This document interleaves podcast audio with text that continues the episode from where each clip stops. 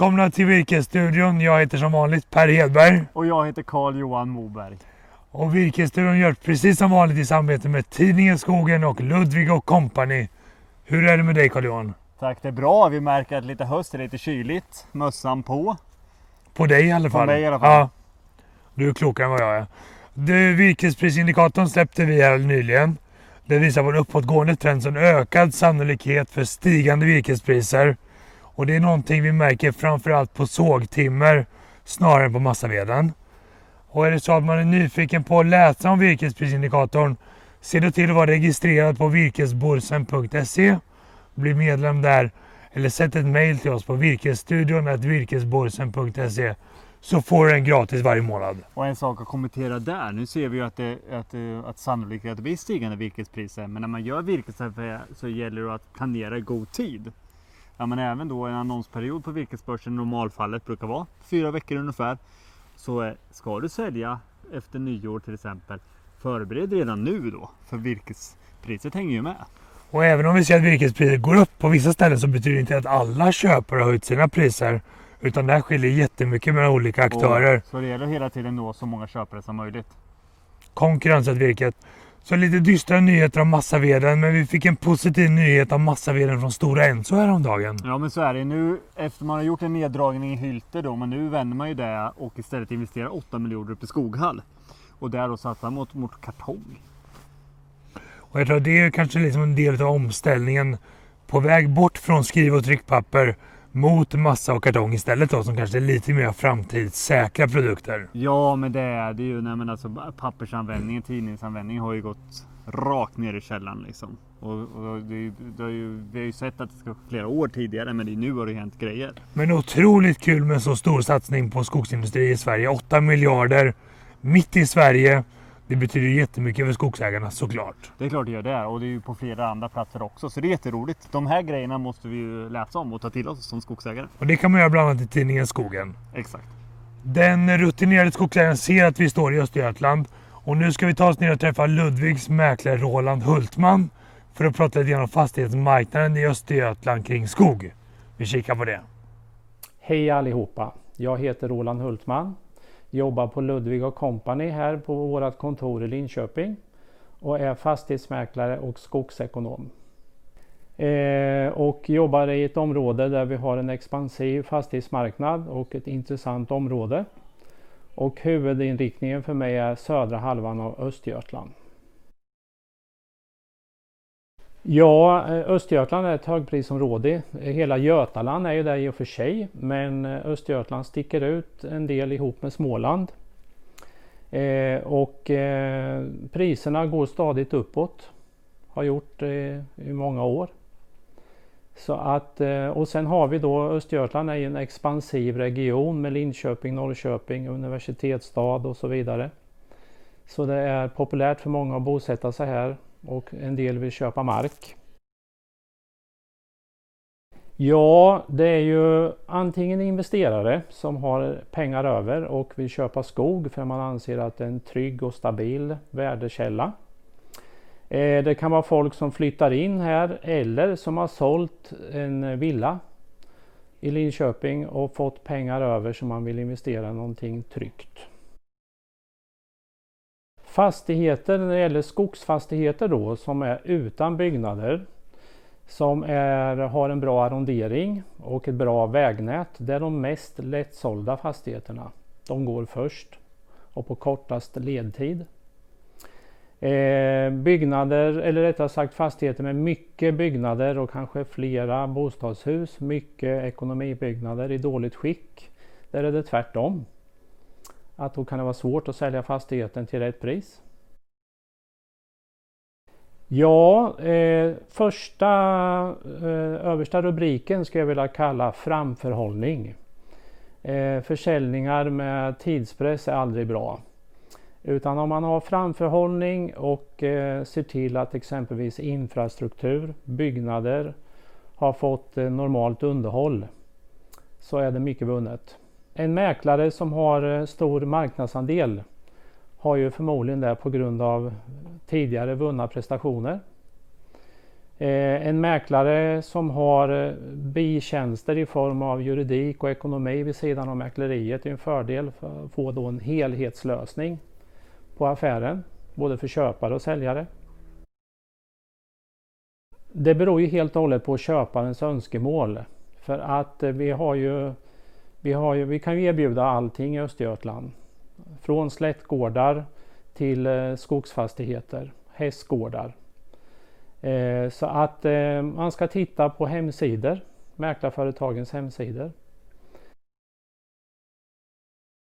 Till att börja med så ska man ju utnyttja virkesmarknaden och eh, ha många ägg i olika korgar. Eh, naturligtvis så ska man ju satsa på skogsvårdande åtgärder. Eh, bra vägnät när man träffar en medarbetare från Ludvig Company så märker man ju verkligen att de är lokalt förankrade i sina eh, verksamhetsområden samtidigt som de har den här stora bredden över hela Sverige. Så det är jätteintressant att höra vad Roland har att säga om skogsmarkerna och skogspriset här i Östergötland.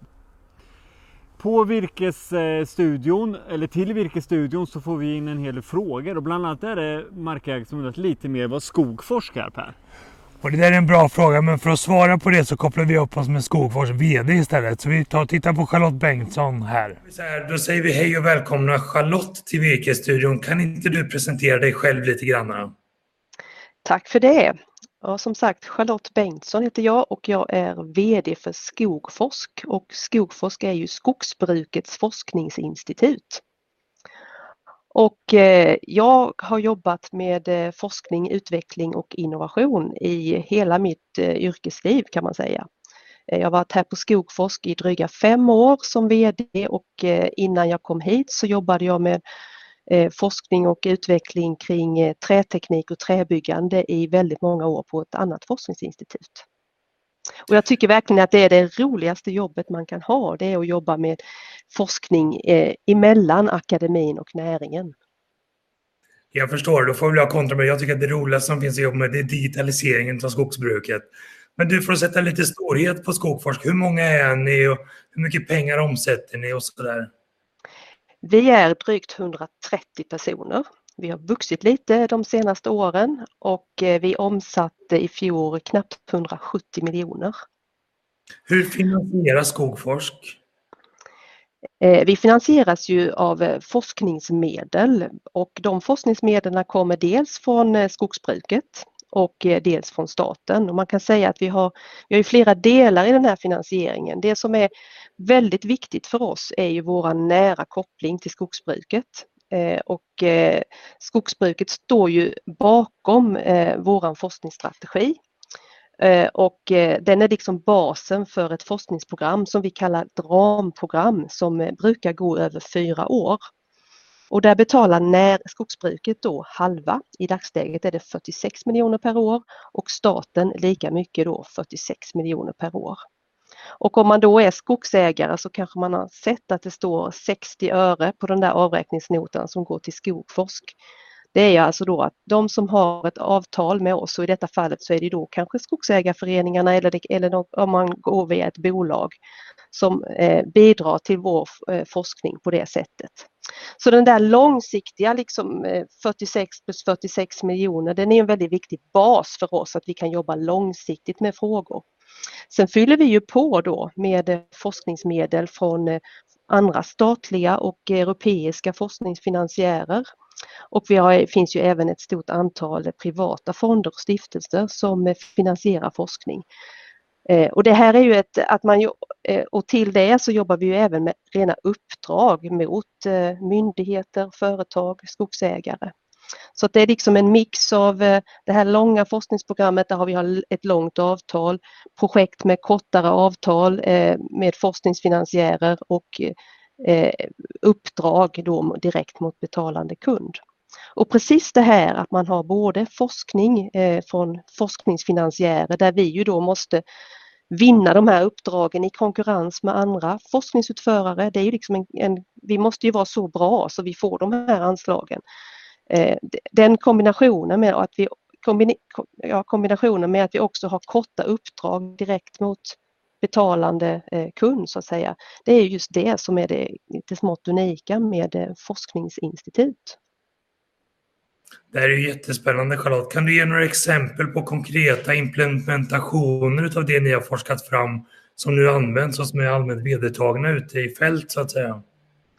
Eh, det är också så att som forskningsinstitut när vi jobbar med tillämpad forskning så är ju det alltså vi är det absoluta ultimata eh, Eh, meningen med att vi finns är ju att vi ska ta forskningsresultat till eh, nytta så att säga.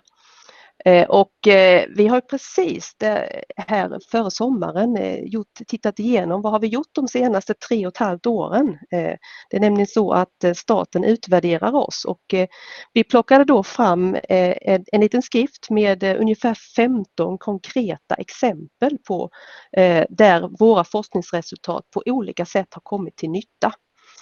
Och man kan säga att mycket handlar ju om digitalisering, att vi har plockat fram eh, digitala mm. beslutsstöd på olika sätt.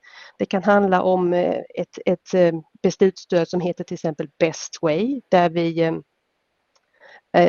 där man helt enkelt under drivningsarbetet Eh, har ett beslutsstöd som gör att man eh, gör så rätt som möjligt. Man kör inte i blöta områden, man kör kortast möjliga avstånd och eh, ja, undviker oländig terräng helt enkelt. Det kan handla om sånt beslutsstöd som kopplar till våran skogsträdsförädling. Jag hoppas jag får säga några, några ord separat om skogsträdsförädlingen sen. Men den att man helt enkelt sätter det värdefulla förädlade skogsodlingsmaterialet på, på rätt plats så att det växer och ger så bra avkastning som det bara går. Det kan handla om att man använder skördardata för att eh, göra utbytesprognoser eh, från, från den, redan eh, för den stående skogen. Sen kan det handla om eh, skötselmetoder för eh, för eh, så smart naturhänsyn som möjligt där vi till exempel plockar fram filmer och den typen av hjälpmedel för att, för att vägleda skogsägaren till att göra så rätt som möjligt. Eh, det kan handla om eh, tunga, transport, tunga lastbilstransporter på våra vägar där vi ju har jobbat under ett långt, många år för att få till stånd den här ökade bärighetsklassificeringen på våra vägar. Och eh, ja, som sagt, jag kan göra listan väldigt lång och det gör mig naturligtvis ganska stolt som VD för Skogforska att det, när man sätter sig och går igenom vad vi har gjort på sistone så det, kan vi räkna ut ganska många betydelsefulla insatser. Ska vi ta några extra ord också om det här med skogsträdsförädlingen som du nämner direkt? Ja, eh, som forskningsinstitut så jobbar vi med tillämpad forskning i över hela skogsbrukets verksamhetsfält. Eh, men det är också så att vi har ett speciellt uppdrag. Det står i våra stadgar. Vi är ju en eh, stiftelse till eh, organisationsformen. Och då står det att vi ska bedriva skogsträdsförädlingen till, åt det svenska skogsbruket.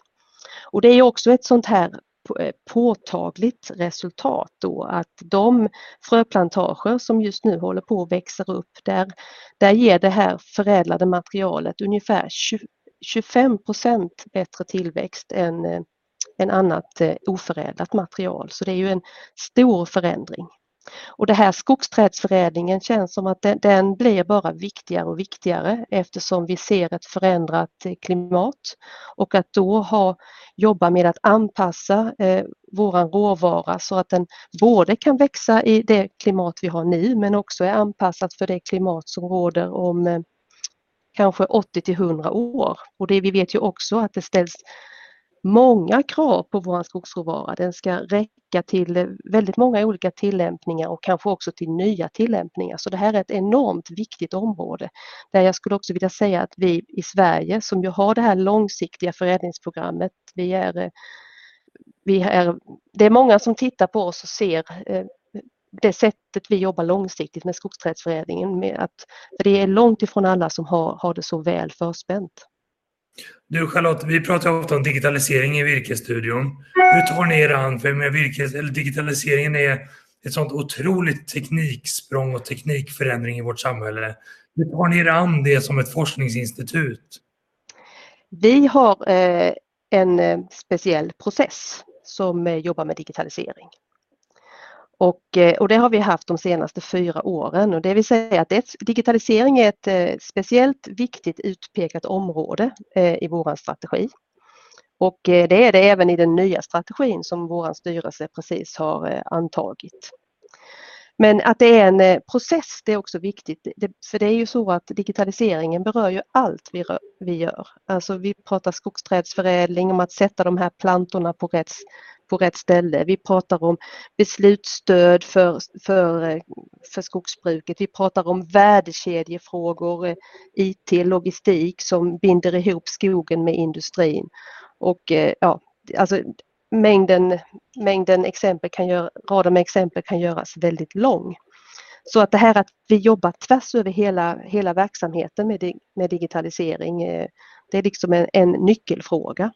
Och det är också så att om, om man nu tittar framåt, eh, jag menar med alla skogsbruksfrågor är ju, de är ju långsiktiga.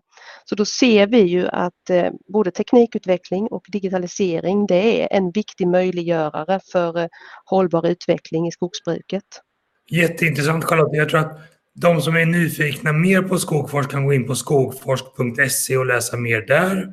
Och med det så tackar jag Charlotte så mycket för att du var med i Virkesstudion. Tack snälla! Tack så mycket! Intressant. Här får vi verkligen lära oss mer om vad skogforskning gör och skogforskning är en viktig kompetenskälla till både skogsägare och skogsindustri i Sverige. Ja men det tror jag och som skogsägare så tycker jag att man ska nyttja deras eh, webb och seminarium de har där. Gå in och läs eh, rapporter som deras forskare har, har skrivit och arbetar med. Jättebra kunskap! Bra tips! Med det tycker jag vi tackar för idag. Tack till Ludvig och kompani som är och gör det här möjligt och till tidningen Skogen och tack för idag Carl-Johan. Tack själv. Tack. Hej.